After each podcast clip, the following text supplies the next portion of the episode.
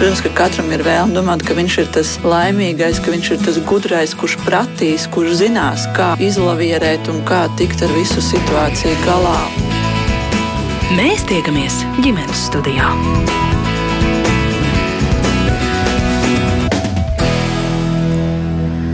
Labdien! Priecājos sveicināt jūs visus redzējumu ģimenes studijas klausītājus. Mans vārds ir Agnēs Link, un šī redzējuma producente ir Ilza Zvaigzne. Aiz katras bērna uzvedības problēmas, vai tā, ko mēs pieaugušie uzskatām par problēmu, stāv konkrēta vajadzība, kas ir pilnīgi vai daļēji apmierināta, varbūt palikusi neapmierināta, vai varbūt tikusi pārapmierināta. Par kādām pamatvajadzībām un to piepildījumu vai trūkumu signalizē bērnu uzvedību un kā stiprināt bērnu un vecāku attiecības, lai mazinātu, piemēram, agresīvu paškaitējošu vai izvairīgu izturēšanos. Kādas ir aktuālās terapijas tehnikas un metodas, kas var būt palīdzošas par to šodien sarunu ģimenes studijā, un tās dalībnieces būs šeit studijā kognitīva behaviorālā psihoterapeite, bērnu un jauniešu schēmas terapijas speciāliste apmācībā Gunita Kleinberga. Sveiki! Un telefoniski ar mums kopā klīniskā psiholoģija, psihoterapijas speciāliste Līga Bernāte. Labdien, Līga! Labdien! Un mēs ceram, ka arī jūs klausītāji mums pievienosieties šai sarunā, ja ir kas sakāms, kādi viedokļi, komentāri, jautājumi speciālistēm, laipni gaidīt, rakstiet mums ziņas rādījumam ģimenes studiju Latvijas radio mājaslapā. Iesildoties tas, ko es gribu vaicāt, ja es lūgtu tā nedaudz vispārīgi uzskaitīt, kas ir tās vecāku biežākās bažas, tādi izaicinājumi, kas bērna uzvedības eh, kontekstā ir tas nepieņemamais un neizprotamais, ar ko vecāki šobrīd vēršas uh, pie jums? Mm -hmm. Ko tu uzskaitītu, Gunita? tā, principā, tas, ko, ar ko man nākas saskarties, viens ir ļoti daudz uh, trauksmainība. Jā, uh, trauksme, tīri uh, sociālā trauksme, uh, arī trauksme no mikrobiem. Nu, principā ļoti daudz dažādu veidu trauksmes. Ir arī ļoti daudz šobrīd jaunieši, kuri ir ar paškaitniecisku uzvedību, jā, un tas ir jā, ar tādu graizīšanos, arī tāpat sev kniepšanu. Nu, ļoti daudz tur es varētu tādu sarakstu saukt, ja tas nebūtu, bet principā tā doma ir par paškaitniecisku uzvedību. Tad ir arī jauni, nu, vecāki, kur bērni pilnībā ir aizgājuši arī datoros. Jā, un, vai arī ir mazākiem bērniem tas vairāk ir saistīts ar tādu agresīvu uzvedību, jā, kas ir jā, ārkārtīgi grūti arī pakļauties kaut kādiem noteikumiem un normām. Un, un mazākiem bērniem arī ir diezgan daudz bailes un trauksmainība. Jā. Līga, ko jūs papildinātu šai sarakstā? Mm, es strādāju varbūt vairāk ar maziem bērniem, tad man tomēr lielākā daļa ir tādi dusmīgi, agresīvi bērni, un tad otra kategorija tāda liela ir tādi, kur ir, es nezinu, kautrīgi, jūtīgi, kuriem ir grūti iejusties. Nu, tur, protams, arī varbūt nāk tas, ko Gunita minēja klāt, arī trauks, trauks, kas varbūt izpaužas tādā čīkstīgumā vai pielipšanā vecākiem. Jā, mums tā ļoti veiksmīgi salicies, ka jūs vienu otru varat papildināt, jo līga vairāk par mazajiem bērniem un, un gunita laikam drusku vairāk par pusauģiem. Nu, man liekas, ka lielākiem bērniem līguma strādā tiešām ar mazākiem. Mm -hmm. Tā tava aktualitāte šobrīd šīs dienas sarunas kontekstā ir schēmu terapija. Kaut kas, mm -hmm. kā es pieteicu, ko es sākusi apgūt, es bērnu un jauniešu schēmas terapijas speciāliste apmācībā. Mm -hmm. Vai tas ir kas jauns Latvijā un kas ir tas, ko mums vecākiem būtu derīgi un arī interesanti uzzināt? Mm -hmm. Kas ir schēmu terapija? Mm -hmm. nu, schēmu terapija Latvijā jau ir, nu, man liekas, ka vairāk, es, es nepanosaukšu precīzi skaitļi, ja, jo ar pieaugušiem cilvēkiem strādā. Nu, man liekas, ka uh, jā, tiešām es nepaskatījos, kad bija mūsu pirmās apmācības, kad uh, notika pirmās apmācības schēma terapijā pieaugušajiem. Bet nu jau kādu laiku gadiem droši. Jā, jā, tas nav kaut kas tāds uh, pirmo gadu, jā, bet uh, šo, uh, šajā gadā mēs vairāki kolēģi pabeidzām tādu pirmo tādu pakāpi bērnu un pusauģu schēma terapijas apmācībā. Un, uh, tā ir metode vai principā uh, lieta, kura tiek mācīts un kura bāzējās uz to, ka mums katram iekšā ir tādi vairākas daļas. Es, nu, ar bērniem strādājot vai pusauģiem, mēs viņus saucam par daļām. Ja? Mums ir priecīgā daļa, ja? un tad, kad mēs esam priecīgi, tad attiecīgi mēs darām jaukas lietas. Ja? Vai tad, kad nezinu, mēs braucam ar ritiem, varbūt es kļūstu priecīgāka, ja? vai klausoties mūziku, ja? vai tā, arī tāda hobiju daļa, ja? sociālā daļa. Tad mums ir arī, piemēram, bēdīgā daļa, ja? vai vientuļā daļa daļa vai nu, tādas daļa, kura kuras vajadzības nav tikušas varbūt kaut kādā veidā apmierināts. Ja? Un tad ir arī tāda dusmīgā daļa, ja? arī izlutinātā daļa. Uh, arī mums iekšēji ir tāda iekšējā balss, ja, kas ir kritiskā daļa, ja, tāda kritika, kas mums mēdz teikt tādas ļoti nepatīkamas lietas. Uh, ir arī prasīgā daļa, ja, labāk mācīties, ja, ka tev šis jāizdara perfekti, ja, ka tāda prasīgā daļa. Un tā ir tāda iekšējā pasaule, ko patiesībā neviens, nu, ja uz mani skatās, neviens nepateiks, ja, kas, kas ir tās manas daļas. Un tad mēs rādām arī, vai tālāk tiek runāts arī par uzvedības veidiem vai attiecīgi schēmas Jā, kas ir tie nu, ne, ne schēmas, bet uzvedības veidiem, kā mēs tiekam galā, ja, piemēram, es jūtos bēdīgs vai dusmīgs, jā, vai, un tad ir dažādi jā, šie uzvedības veidi, un tad mēs arī runājam, jā, kas ir. Uh, Nu, piemēram, tad, kad es jūtos dusmīgs par to, ka man kāds nav iedevis kādu lietu, tad es, piemēram, varu iet un ārkārtīgi, nezinu, sabļaut uz vecākiem vai viņus nolamāt. Ja? Un tad šī gadījumā tas, ko mēs redzēsim, mēs redzēsim tādu buļļātāku režīmu, ja? kurā ir bērns. Ja? Vai tad, kad bērns, piemēram, sev grāza, tad tā būs uzvedība, kuru mēs varam redzēt, ka viņš mēģina kaut kādā veidā ar kaut ko tikt galā, kas notiek iekšējā pasaulē. Ja? Un tas ir jā, ka tur tiek runāts par šīm daļām, ja? un tad ir schēmas, atkal ir tādas brilles, ar kurām mēs redzam pasauli. Principā viņi ir tādi kognitīvi konstrukti, kas ir izveidojušies pamatojoties uz neapmierinātām vajadzībām. Ja? Jāatzīst, mēs runājam arī ar pieaugušiem, ar bērniem, mēs runājam gan par pozitīvām schēmām, gan arī par negatīvajām schēmām. Mhm. Ja? Kā tas viss ir saistīts ar tām daļām, piemēram, kādi uzvedības veidi mani, kas signalizē par to, kura mana daļa prevelē šobrīd? Nu, jā, nu, piemēram, ja es būšu tādā laimīgā bērna stāvoklī, jā, tad, tad es, piemēram, priecāšos, būšu spontāna, jā, vai daudzīšos, jā, teikšu jokus, jā, kad, bet tādā tiešām tādā dzīvā un tiešām pilnīgi tādā jautr, jautrībā. Jā. Mm. Uh, un to arī, protams, redzēsim uzvedībā. Jā, bet, ja es, piemēram, būšu tāda, nu, piemēram, man pārņems skumjas, jā, vai es jūtos vientuļa, un ja man šī nu, šīs sajūtas ir saistītas ar kādām no neapmierinātām vajadzībām un ir ļoti saistītas arī ar bērnības pieredzi. Nu, piemēram, es esmu bijusi ilgstoši mājās viena pati, ja neviens ar mani nav spēlējies, ja, un tad bērnībā es esmu sajūties ļoti, ļoti, ļoti, ļoti vientuļi. Ja? Un tas, ko varbūt es esmu darījusi, varbūt nezinu, sākus ļoti daudz lasīt grāmatas vai skatīties televizoru. Ja? Un tad pusauģu vecumā, ja, kā es sajūtos vientuļi, tas, ko es varu izdarīt, to uzvedību mēs redzam, ka lai tiktu galā ar tām emocijām, es ieslēdzu iekšā televizoru, jo tas ir veids, kā es tiku galā ar viņām. Mm -hmm.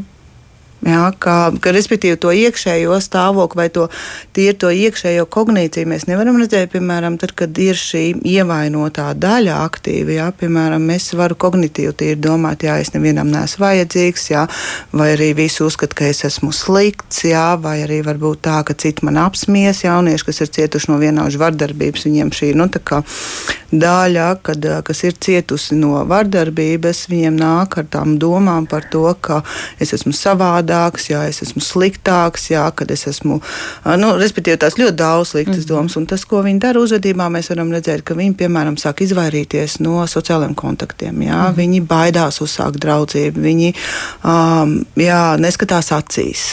Jā, tas ir tas, ko mēs redzam mhm. uzvedībā, bet to iekšējo, kā viņi jūtas, to mēs neredzam. Mhm. Un ko ar schēmu pieeja šādā gadījumā var darīt? Kāds ir tās mm -hmm. pieejas, nu, tā esence, tā būtība?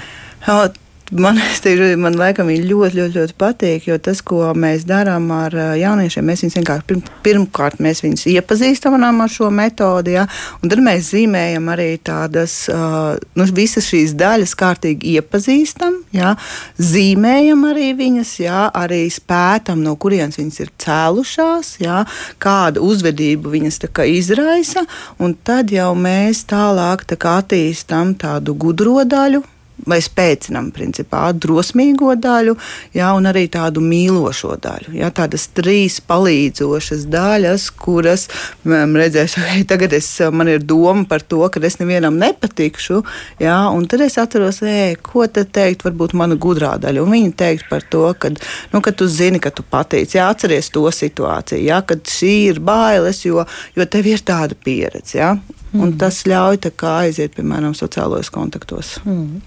Līga.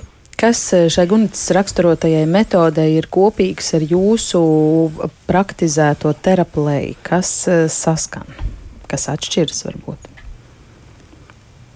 Mm. Teiksim tā, ka uh, ar mazākiem bērniem, par cik viņiem viņi nav vēl tik spējīgi nu, verbalizēt un stāstīt tās lietas, tad mēs vairāk, uh, mēs vairāk kā darbojamies un veidojam attiecības. Teiksim, varbūt sākums skolas bērniem.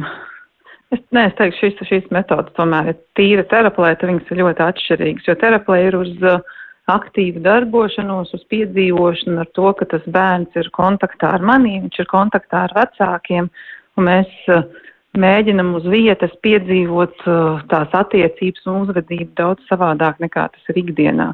Ar domu, ka vairākas reizes nākot un piedzīvojot, mēs varam arī to mainīt. Un varbūt pēc tam, par cik teraplē metode tiek filmēta, tad man mājās to skatoties, ka, kad es varu atklāt kaut kādas nianses, kas ir konkrētā uzvedība, kas, nezinu, vecākos vai bērnā kaut ko triggerē. Varbūt tad pēc tam tādā analīzēm var kaut ko savilkt kopā ar, ar schēmu terapiju, ka mēs atklājam uz ko, uz kādām schēmām, kā kurš reaģē, bet arī pašā procesā tas būs tāds, nu, diezgan atšķirīga, atšķirīga pieeja. Cik lielā mērā var teikt, ka šīs abas pieejas balstās uz zināšanām par bērna pamatvajadzībām? Ļoti. Mums, tur pamatā ir šīs uh, pamatvajadzības uh, bērniem, gan terapijai, gan arī schēmu terapijai, vai arī uh, kognitīvu bihēmu. Man liekas, ka ļoti daudzām, kas nu, īpaši ir vērsts uz bērniem un vecākiem, un patiesībā arī pieaugušiem, mēs runājam, kad pamatā ir cilvēku pamatvajadzības. Mm. Līga? Es teiktu, es, manuprāt, es domāju, ka viss psihoterapijas virzieni nu, sakņojās tādās pamatvajadzībās, vienkārši kā to definē un nosauc un apraksta varbūt atšķirās. Mēs jau nevaram nekur aiziet prom no sevīm un no tām savām vajadzībām, kas mums ir. Jautājums, vai mēs vecāki izprotam un labi pārzinām, kādas ir tās bērna pamatvajadzības? Jo skats, ka mūsdienās mēs nerunājam nu, par mm. Maslova piramīdu, ja, kas mums visiem ir uh, zināma. Man liekas, ka mūsdienās vecāki ir vairāk izglītoti nekā bija gadus 20 noteikti apakaļ. Tas gan, o, jā, ka, bet tādā mirklī, kad mēs saskaramies ar savu bērnu, Jā, tad uh, reizēm uh, mēs jau skatām, nu, ka mūsos ļoti var iedarbināt mūsu pašu tādu ievainoto daļu. Jā, kad mūsu tās neapmierinātās vajadzības, jā, vai mūsu ieaudzinātās lietas, kā tad drīkst vai nedrīkst paust, ja, vai vispār tavas vajadzības ir svarīgas. Un tad, kad mēs nonākam saskarsmē ar bērnu, jā, tad mēs pilnīgi neapzināti reizēm varam uzlikt tādas brilles virsū jā, un, un sākt reaģēt uh, nu, pilnīgi savādāk, pat tad, ja mēs zinām, kādas viņas ir. Mm. Jā. Uh, Uh, nu, un, nu, līdz ar to tas, kas man šķiet svarīgi, kad vecāks arī ir iespēja kā, būt nu, tā kā līgas stāstījumā, ka tā iespēja redzēt sevi kontaktā ar bērnu, kā tad es spēlējos, kas man triggerēja, vai kas man jā, satrauc, jā, kuras ir tās lietas, uz kurām es sāku emocionāli norēģēt. Jo tajā mirklī, kad es saistībā ar bērnu sāku emocionāli norēģēt, tad kaut kas manī ir kā, sakustējies, jā, un tas ir būtisks signāls. Mm. Bet, ja es lūgtu jūs eh, vienai otru papildinot, uzskaitīt, jo atkārtošana ir zināšanu māte, mm -hmm. noteikti ģimenes studijā par šo mēs esam dažādos aspektos, pavērcienos, kontekstos runājuši. Kas tad ir tās bērna pamatvajadzības? Gunits sāks? Vai es domāju, līga vai, vai nu, līgai varbūt dosim vārdu. Labi, es tad tiešām tādu atkārtošanu, zināšanu mātes teiktu ar drošo piesaisti. Ar piesaisti tanī, ka man ir attiecības ar šo vec, vecāku vecākiem. Viņas ir drošas, pared, paredzamas, piepildītas. Tā kā es teiktu, tas ir tas, nu, viena no būtiskākajām pamatvajadzībām. Jā, Gunot, ko papildināt? Jā, es, es vēl papildinot, man liekas, ka pie piesaistes ir ļoti svarīga arī tāda lieta, kā vecāks uz mani skatās, un vai pie, pie pašas tādas mazā vecumā pie piesaistes, vai kāda ir vecāka sejas izteiksme, jā, vai. Um, vai viņš arī nu, reaģē uz manām vajadzībām, jā, vai veido acu kontaktu. Jā, un, un tās ir ārkārtīgi uh, nu, mazas nianses, bet viņas ārkārtīgi būtiski ietekmē. Jā, jo mēs pat nevarēsim atcerēties. Jā, nu, nezinu, es varu, piemēram, izvairīties no acu kontakta, jā, bet es neatcerēšos, kad nezinu, tur ļoti agrīnā vecumā vecāks uz mani pat neskatījās. Jā, jo tās būs tikai ķermeniskās atmiņas.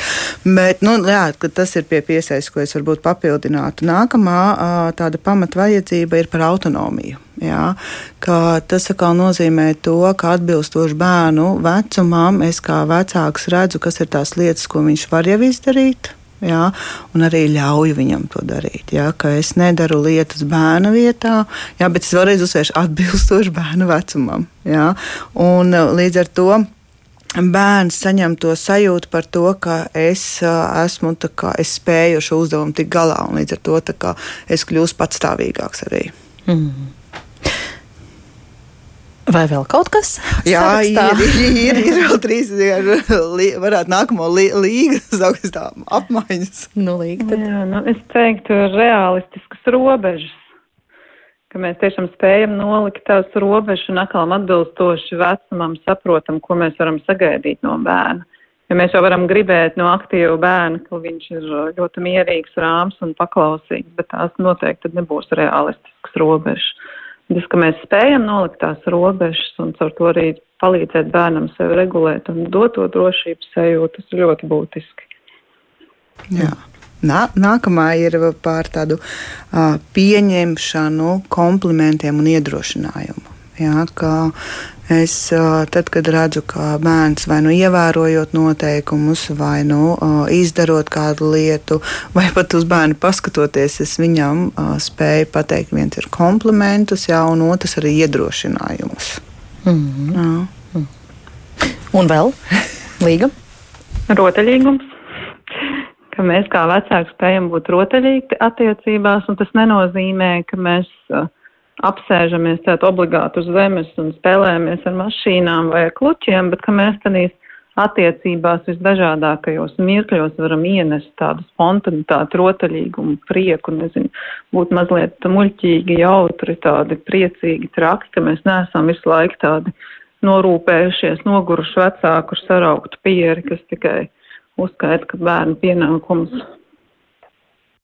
Jā, Gunita. Mhm. Jā, mēs, mēs tikām galā ar ātri. Ar, šīs ir tādas fundamentālas piecas pamata vajadzības ikvienam cilvēkam. Jā? Mm. Un tas ir neatkarīgi no laika, kurā mēs esam auguši, no valsts, kurā mēs dzīvojam. Ja? Viņas tiešām ir pilnīgi, pilnīgi fundamentāls visiem cilvēkiem. Mm. Un tad es atkārtošu vēlreiz no sava saraksta. Tā tad drošība, piesaista, tas ir viens, autonomija, patstāvība divi, prieks spēle mm -hmm. trīs pieņemšana, mm -hmm. četri un uh, struktūra, jeb robežas pieci. Ļoti labi. Jā. Jā. Jā.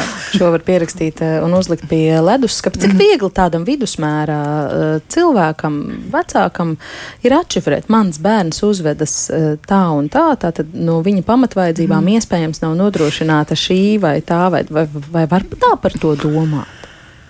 Jā, bet tas prasīs tādu uh, pauzes paņemšanu un drusku ļaušanu sev paskatīties uz situāciju no malas. Jā, jo tajā mirklī, tad, kad uh, bērns, piemēram, nezinu, ļoti sadusmojās, jā, vai uh, pauž kādu citu veidu uzvedību, ko mēs redzam, tas reizē mēs, mēs kā pieaugušie redzam tikai uzvedību. Jā, bet mēs nepaskatāmies, kāda no tām vajadzībām, jā, kas, kas notiek, kādēļ viņam šobrīd ir vajadzīga šo uzvedību, vai ko viņš mums grib pateikt, tā darot, jā, vai kas viņam pietrūks. Varbūt ka kas ir pat daudz, jā, kad ir šāda veida uh, uzvedība, bet tur, lai mēs to ieraudzītu, mums ir jāspēj paņemt tādu tiešām distanci. Jā. Mums ir jābūt arī prasmei novērot, jā, redzēt, kas notiek. Un ne tikai bērnu redzēt, bet re, nu, redzēt arī sevi attiecībās ar bērnu, jā, vai arī zināt, kas notiek tajā vidē. Jā, jo tās vajadzības, viņas jau nav runa tikai par ģimeni. Jā, jo tad, kad bērns ir ļoti maziņš, jā, šo pašu ietekmi arī tad, kad bērns aiziet uz pirmskolas izglītības iestādi.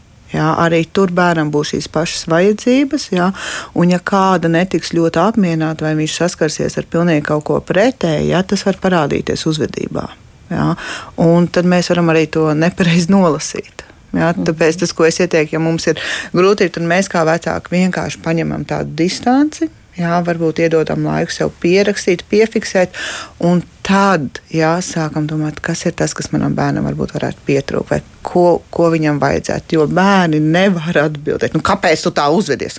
Nu, viņš no, nepast... katru dienu viņam to jautājam, vai ne? Par spīti tam, ka mēs jā. varbūt teorētiski zinām, ka viņi tā nevar atbildēt. Jā, jā bet tas jautājums viņi, viņi nevarēt, nevar uz viņu atbildēt, jā, jo viņi nevar nolasīt šīs. Jā. Mm. Tāpat arī bieži vien aiz bērna dusmām, jā, tas, ko mēs redzam, tādu agresīvu uzvedību vai milzīgas dusmas, jā, nevienmēr tas ir stāsts par dusmām, jā, tur var būt arī apakšā bailes, jā, vai arī nu, ļoti izteikti kādu vajadzību neapmierināt. Mm.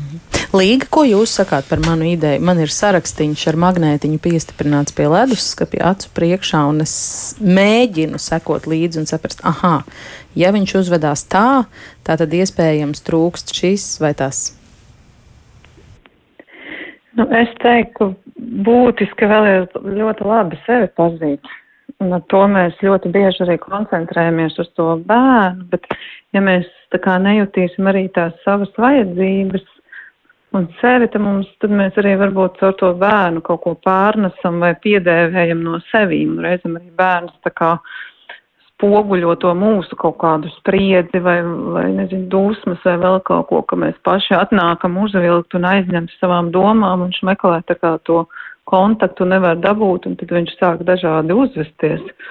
Tā kā es domāju, jā, nu, droši vien atkal mēs atgriežamies pie tā, ka, nu, jāmēģina sevi pazīt, sajust savas vajadzības, un tad mēs varam tā kā, nu, mēģināt un domāt par to, kas ir tās bērnu vajadzības. Bet noteikti es piekrītu Gunitē, kad ir jautājums, kā un kur un vai mēs varam paņemt tā kā pauzi, lai vispār varētu, nu, bišķiņ izdūmoties ārā no tās ikdienas, no tām emocijām, kas ar mums notiek. Uh, Ja mēs, pieņemsim, nezinu, aizējām pakaļ uz bērnu dārzu un bērnu kā parasti ieraugot vecāku ļoti bieži kļūst emocionāli. Mēs esam jau tur skrējuši no darba, noguruši. Lai nenokavētu to, tad tur satiekas vesela čupa ar emocijām un neapmierinātām vajadzībām, un tad tādā mirklī tagad saprast uh, to sarakstiņu, kaut ko pārējo ir grūti, tā kā es domāju, citreiz vienkārši jāpaņem pauzīt un tad uh, jāmeklē un jāmēģina tā kā sajust vai es domāju, arī kopumā zinot sevi un savu bērnu, mums jau ir kaut kāda tā tendence par to, kuras vajadzības manam bērnam varbūt ir tādas būtiskākas, vai ar kurām es pati biežāk grēkoju un ne, nu, tā kā nepiepildu. Tā, tā ir tāda sevis un ģimenes izzināšana. Nu jā. Un tomēr man liekas, ka tādas, lai arī cik lielā mērā šī būtu teoretizēšana, tādas zināšanas var būt mm. ļoti, ļoti mm. noderīgas. Un, palīdzošas. Paldies klausītājiem, kuri jau raksta un iesaistās eh, šai sarunā. Ir ļoti interesanti jautājumi, kas man šķiet tieši trāpīgi šīs dienas sarunas eh, kontekstā. Es eh, sākšu lasīt dažus no tiem. Māra raksta, viņa ir meitenīte, četri gadi, dārziņā ļoti asi reaģē uz dažādām sadzīviskām lietām. Ļauj, dusmojas un tam līdzīgi. Piemēram, kaut kas tiek darīts, kaut kur jāiet, bet gluži nav pabeigusi darbošanos. Cik ilgi bērnam šādi uzvedības izpausmes šādas var būt? Pie kādiem speciālistiem vērsties, jo viens pret vienu um, praktiski ar bērnu problēmu nav mm -hmm. nekādu. Mm -hmm. Par kādām pamatvajadzībām mēs šeit domātu un to apmierināšanu vai neapmierināšanu? Mm -hmm. Protams, mēs, kad uh, viņi noteikti papildinās, bet uh, tas pirmais, klausoties, uh, ko uzrakstīja, un tas ļoti jauks jautājums. Uh, es teiktu, ka paprasīt pirmskolas pedagogām novērot, kurās situācijās un kas notiek mirklīti pirms sākas šāda uzvedība. Ja? Jo mēs varam runāt par to, ka viņai vajag ilgāku laiku, lai varbūt pabeigtu darbu, lai pārslēgtos. Ja? Nu, tur var būt ļoti daudzas lietas, bet tas primārais ir, lai mēs vispār saprastu, ka palūdzam pirmskolas pedagogam iedodam nedēļu un tiešām konkrēti pajautājam, vai jūs lūdzu varētu pavērot, kas ar manu meitu notiek mirkli pirms viņai sāks uzvedība. Ja, jo uzvedība tas jau ir kliedzens, ej, es ar šito netieku galā, palīdziet man. Mm -hmm. ja. Ar ko tur var būt ļoti daudz, ja? vai tā var būt gaidīšana, vai tā var būt uh, nu, jā, tāds laiks, lai pabeigtu, ja? varbūt skaļums, ja? vai. Uh, jā, ļoti daudz lietas, kas tur var būt. Tāpēc sākam ar vērošanu. Mm. Līga, cik eh, viennozīmīgi ir vai nav iespējams pateikt, ja bērns, piemēram, bļauj un dusmojas, tā tad eh, vai nu autonomijas, jeb patstāvības vajadzība nav piepildīta, vai varbūt sapratnes vai drošības? Jeb arī struktūras. Kā jūs atbildētu šai mammai? Gunita papildināt. Ah, es teiktu, droši vien, kad uh, Viens jāsaprot, ka bērni tomēr no tā, kā viņi uzvedās mājās un bērnu dārzā, ir ļoti, ļoti var atšķirties. Un tur ir jau tas, kad ir, kad ir jāpavēro. Es teiktu, ka mammai varbūt ir jāpadomā, nu, kā viņa mājās, ko viņa dara pirms tā kā nomaina tās darbības, cik viņa laicīgi brīdina vai nebrīdina, vai kā viņa pārslēdz to savu bērnu. Un tad varbūt var padalīties ar šiem te Uh, savām zināšanām un saviem paņēmieniem, ko viņi dara mājās, bērndārzā, pastīties, vai tas nedarbojas. Protams, ir jau tās pašas temperamenta iezīmes, un ir bērni, kuriem tiešām ir ļoti grūti nomainīt vienu darbību uz nākamo darbību. Un tas viņiem rada kaut kādu, nezinu, trauks, trauksmi vai dusmas.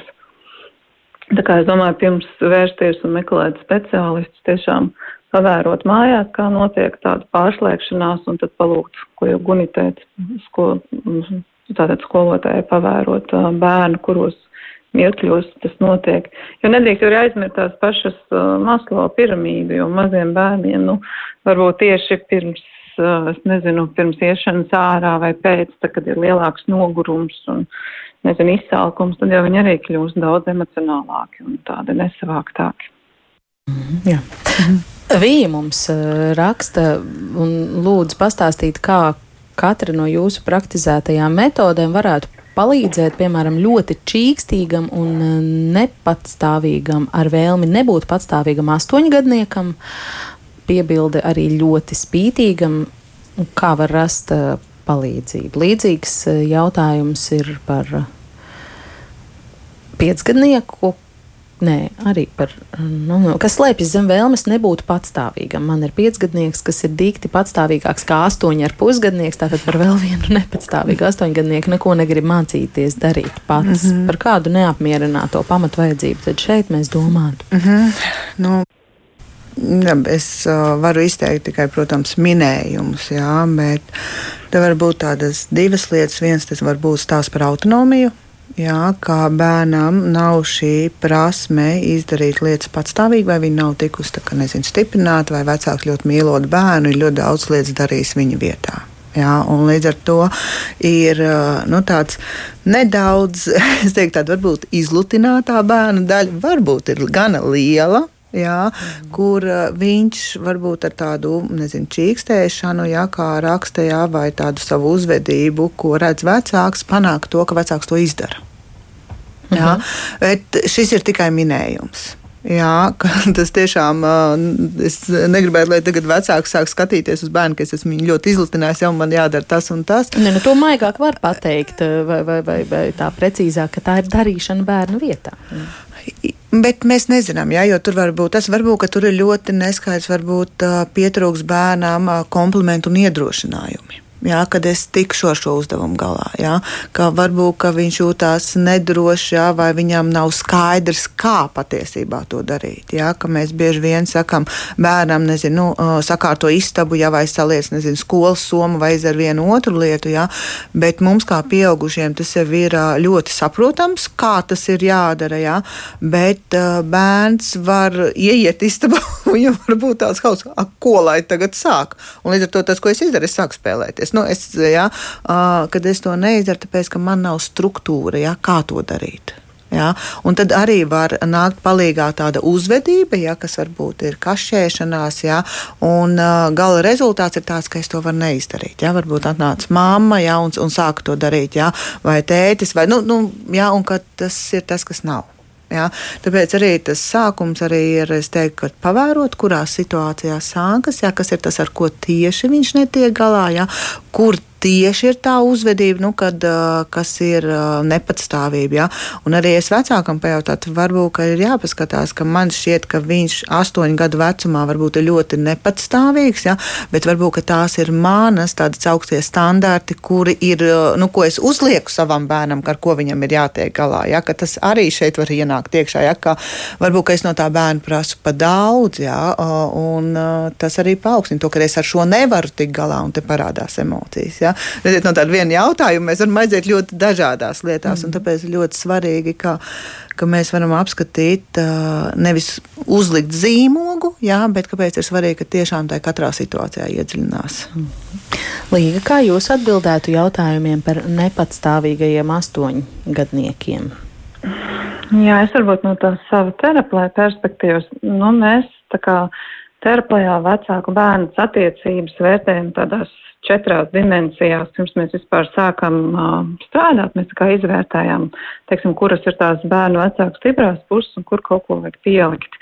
Un tad es, tā kā man tā sajūta pirmā, kas nāca prātā, bija atkal par šo te piesaisti vai drošības sajūtu. No, un vēl viena dimensija, kas terapijā ir izaicinājums.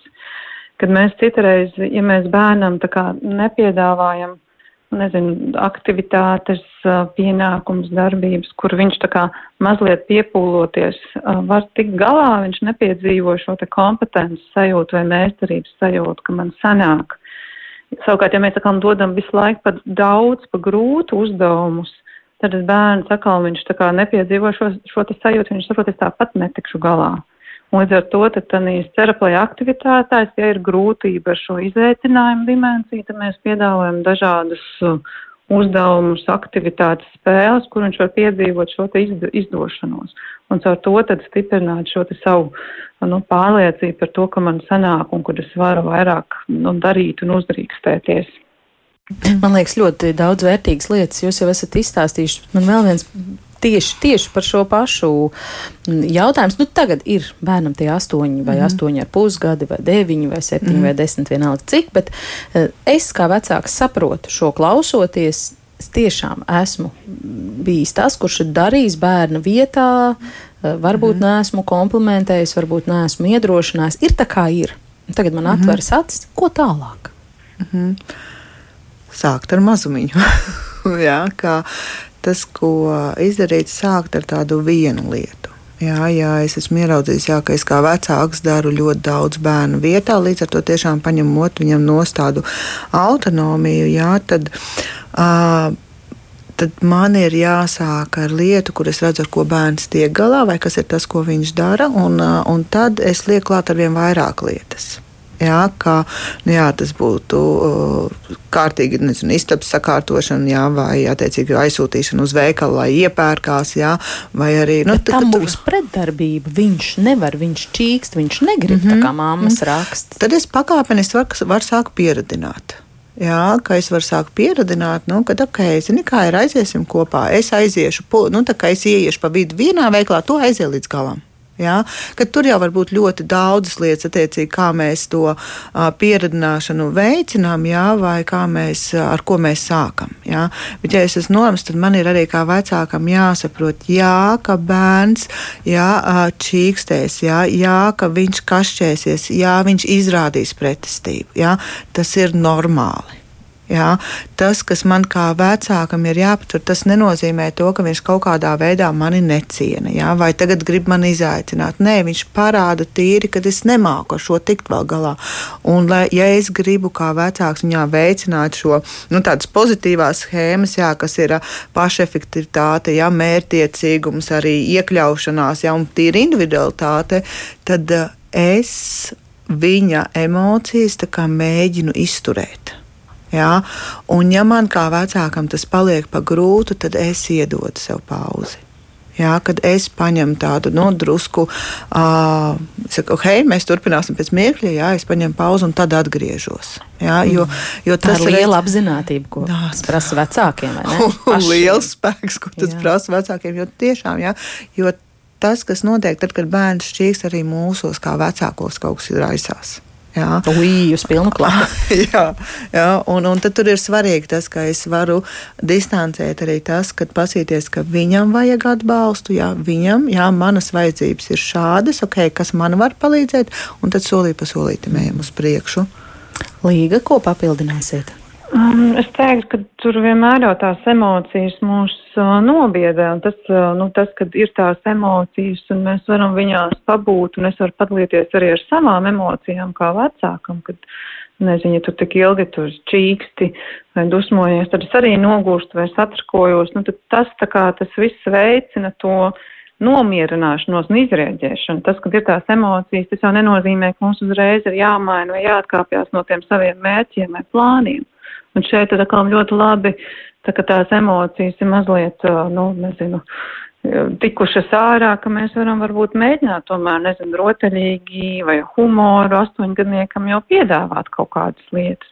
Es domāju, nav arī obligāti jātaisa tādi, nezinu, speciāli ka mēs tagad kaut ko ļoti trenējam, mēs varam pēc iespējas mēģināt ikdienā to ieviest. Nezinu, ja mēs tagad sēžam visi kafejnīcā un uh, gatavojamies pasūtīt, es nezinu, saldējumu, nu tad uh, astoņgadnieks pats to var izdarīt. Viņš var pats aiziet kaut ko paprasīt. Mēs varam pēc iespējas vairāk, uh, nu, visādos mazos sīkumos, tā kā, nu, dot viņam to iespēju kaut ko mēģināt un tad arī attiecīgi uzreiz, nu, reaģēt un uh, slavēt.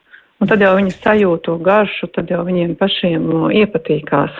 Tikai jautājums, vai mēs pēc tam esam gatavi turpināt viņam ļaut būt tādam neatkarīgākam un pieņemt tās viņa idejas un vēlmes, ko viņš pats gribēs darīt. Jā, šeit eh, par vecāku pūlēm un darbu pašiem ar sevi astra raksta. Es jau zinu, kas mani trigero manā pirmklasniekā, ja ir ņuņa un princese uz zirņa. Par sīkumiem čīkst, par maziem palūgtiem darbiņiem pukst un nedara. Slikti tā teikt, bet es pati bērnu vecumā darīju daudz vairāk, bet kā to risināt? Man acis paliek karstas un smadzenes aizsvilstas, kad viņš mm. uzvedas šādi. Mēģina ar to strādāt, bet ir ļoti grūti. Mm -hmm. Jā, kā. Uh. Man liekas, ka viņi ļoti jaukā viņi uzrakstīja, kā tas sēž kopā ar viņu. Ja, jo te ir, redziet, tādā mirklī, kad kāda no mūsu vajadzībām netiek apmierināta, nu, piemēram, šajā gadījumā var būt, ja mēs runājam par emocionālām vajadzībām vai emociju būšanu, ja, vai ļaušanu pačīkstēt, ja, kā ir uh, viņa iemācīta bērnībā. Jā, jo iespējams, nu, teiksim, ja vecāki ļoti sadusmojās uz čīkstēšanu, jā, tad tas, kas notiek, uh, es kā bērns saprotu, ka šo nepieņem, ja es esmu slikts, ja es esmu nepareizs, ja tur var dažādas kognīcijas izveidoties. Un ar laiku viņi to, uh, nu, varbūt dažās metodas viņi var pilnīgi pakļauties, ja, kad čīkstēt nedrīkst, ja, viņi var sākt izvairīties vispār no emociju paušanas, ja, vai arī pilnīgi pretēji sākt tā kā, tādu, kā mēs saucam par tādu hiperkompensātoru, jā, vai tādu cīņu, jā, ja mēs runājam par dzīvniekiem, jā, tad uh, viņi varbūt var ļoti kā, aktīvi sākt ļoti daudz ko darīt, lai vispār nepiedzīvot šādas, nu, tā kā būt stipri, jā, un tā nedarīt, jā. Un šeit uh, droši vien ir svarīgi padomāt, kas ir tas, kā man bērnībā ļāva pačīkstēt, jā, vai neļāva pačīkstēt, jā. Es reizēm smejoties arī saku saviem bērniem, nu, nu ja ir čīkstulis, tad ieliekam to čīkstuli somā un ejam kopā ar visu to čīkstuli. Jā, kad mēs drīkstam arī pačīkstēt. Mm. Līga?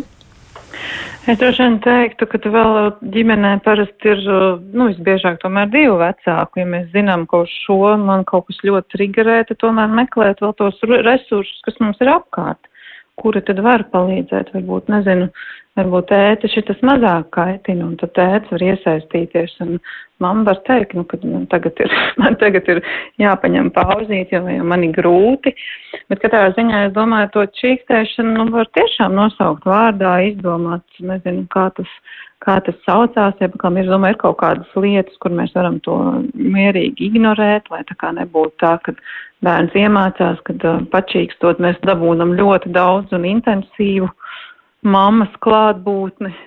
Tomēr pirmklasnieks ar vēl tādā vecumā, ka viņam ir svarīga tā, tā vecāku reakcija un vienalga laba vai slikta, bet tā vecāku uzmanība ir noderīga.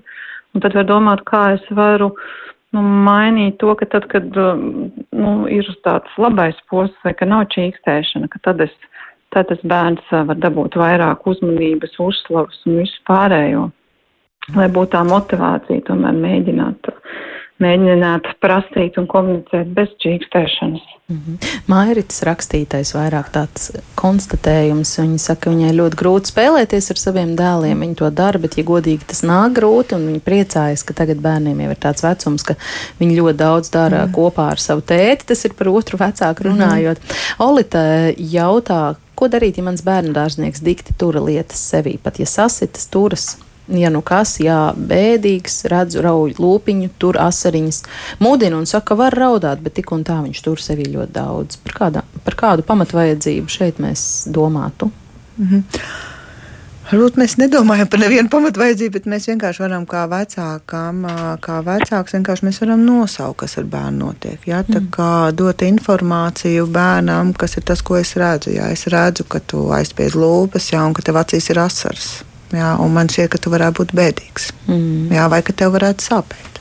Jā, bet neuzdodot jautājumus, vai tu esi bēdīgs, jā, vai tev sāp, jā, bet mēs nosaucam to, ko mēs redzam. Mm. Un tā atkal ir par tādu pieņemšanu, jā, un arī nu, emociju validizēšanu, jā, un, un tas bērnam parāda to, ka vecāks mani redz jā, ka es viņam esmu svarīgs, jo viņš ļoti daudz ko nosauc. Jā, un tad jau tas mēs varam mirklīt pagaidīt un paskatīties, kā bērns uz to nereaģēs. Vai viņš pasaka jā, un tad jau tur var kaut ko runāt, jā, vai arī notiek tālāk. Jā. Mm -hmm. Protams, arī ir jautājums, kā, nu, ko bērns arī mājās redz, jā, vai, vai mēs kā bērni, vai bērni redz, kad vecāki jā, raud, vai kas notiek arī, kad ar vecāku sasitās, kā viņi reaģē. Jā, tur arī var būt, jā, varbūt bērns ir vienkārši introverts. Mm -hmm. Jā. Līga, vai par šo ir jāuztraucas, jā. ka viņš turas sevī lietas? Mm, Ziniet, es teiktu, tur jā, jāvēro situācija. Nav arī par katru tādu lietu, ko mēs novērojam, vienmēr jāsatraucās. Bet ko es gribēju piebilst, nu, to Gunitēts, jā, ka varbūt introverts un jūtīgāks bērns, bet otrs, nu, ne visi ir spējīgi runāt, un arī bērni. Un tad mēs varam ļoti daudz lietot, nu, ķermenis kontaktu un dažādi palīdzēt vienkārši nomierināties un piedzīvot to klātbūtni, nezinu, paņemot klēpī vai tur, nezinu, liekot pelpot vai kaut kā savādāk, mēs viņam palīdzam tā kā nomierināties, noregulēties, un ar to jau būs gana. Varbūt vēlāk, ejot gulēt, tas bērns pastāstīs. Ja katrā ziņā viņš būs piedzīvojis to, ka tās viņa jūtas ir pamanītas, viņš ir saprasts, viņš ir palīdzēts viņam savākties, un tad viņš paaugsies, un tad viņš spēs runāt. Es domāju, reizē mēs arī no tādiem mm, bērndārzniekiem vai sākums skolas vecuma bērniem gaidām ļoti lielas tādas verbāls skaidrojums un runāšanas pie jūtām, bet nu, tas ne viņi spēja, ne tas arī vajadzīgs. Viņiem vienkārši citreiz pietiek ar to, ka viņi sajūt to vecāku klātbūtu un par to pasaka vienu vai divus teikumus. Ja.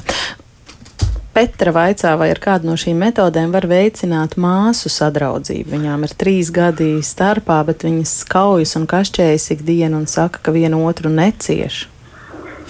Līga, varbūt jūs šoreiz pirmā. Es teiktu, ka terapija ir tāda ģimenes metode, kur var nākt visa ģimene, mēs varam mācīties kopā daudz ko darīt. Bet tieši par brāļiem, māsām?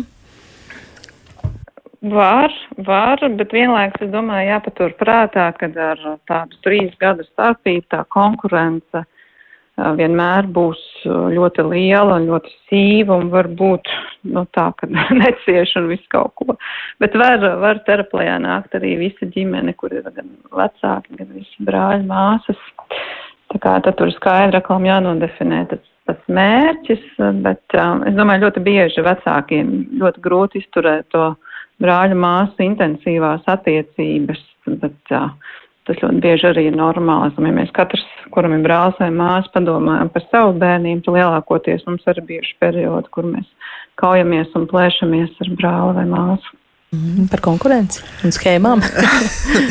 Jā, nu, schēmu terapijā mēs uh, nestrādājam tādā ziņā, ka, uh, ja mēs, mēs strādājam vienu, mm -hmm. ar jaunieti vai arī jaunietis kā uh, vecāks, bet šī gadījumā tas, kas var arī strādāt, ir Marta Mēla metode, kas ir filmēšanas metode, jā, vai arī tā pati ģimenes terapija, jā, ir daudz citas uh, nu, veidi, bet es piekritīšu līgai, ka uh, ir normāli, kad māsas un brāļi savā starpā kašķējas.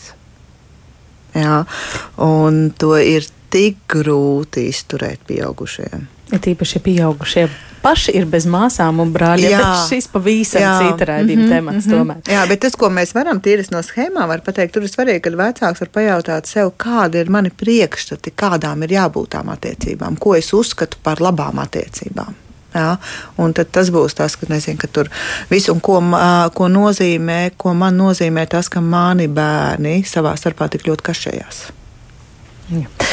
Gribu pagūt, mēs diezgan daudz esam par mazajiem bērniem runājuši un veltījuši laiku, nedaudz arī par pusauģiem.